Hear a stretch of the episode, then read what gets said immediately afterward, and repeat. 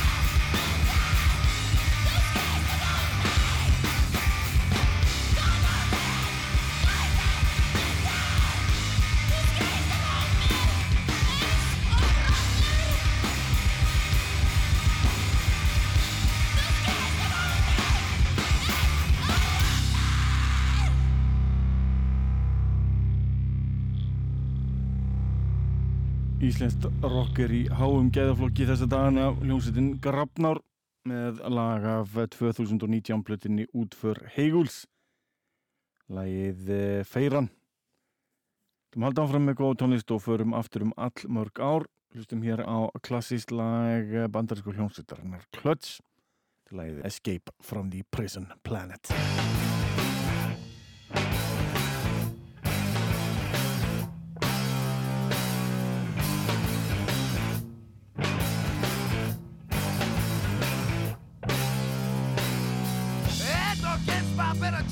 I went walking out that door. I smiled at one person, then I nodded two, three more.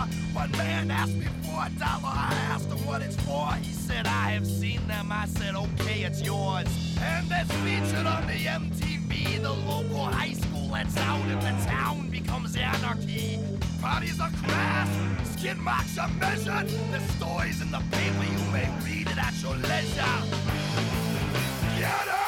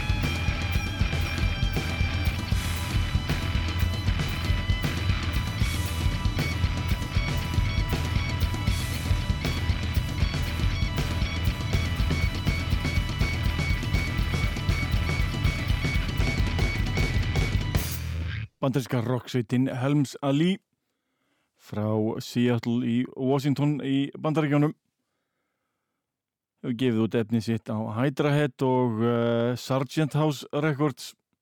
Þetta er glænit efni af nýja plötunni Keep This Be The Way.